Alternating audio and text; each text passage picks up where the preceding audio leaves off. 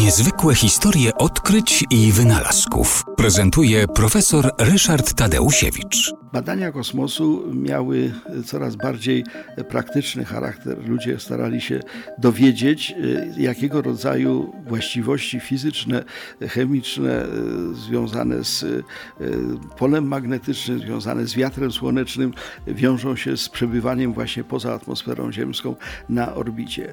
I 15 maja 1958 roku wystartował Sputnik 3. To była bardzo duża, bardzo duży Tschüss. Pojazd kosmiczny. Miał kształt stożka o rozmiarach podstawa miała średnicę 1,7 metra, prawie 2 metry, wysokość 3,5 metra. Ważył prawie 1,5 tony, 1327 kg.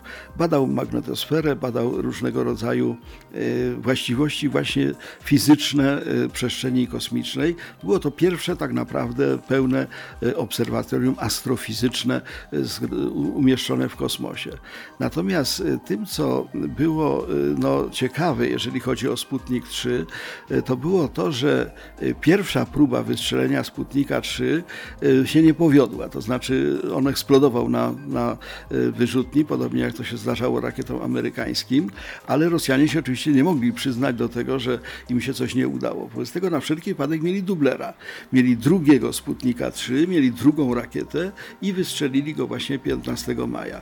Tyle tylko, że tak bardzo się spieszyli, że nie sprawdzili wszystkiego w tym laboratorium. I okazało się, że e, ten drugi, ten dubler, ten, ten Sputnik 3 numer 2, który doleciał na orbitę i prowadził badania, no miał wszystko. Miał aparaturę pomiarową, miał różnego rodzaju nadajniki, natomiast miał zepsuty rejestrator. Po prostu zwykły magnetofon, na którym były nagrywane e, dane, e, był zepsuty, nie działał.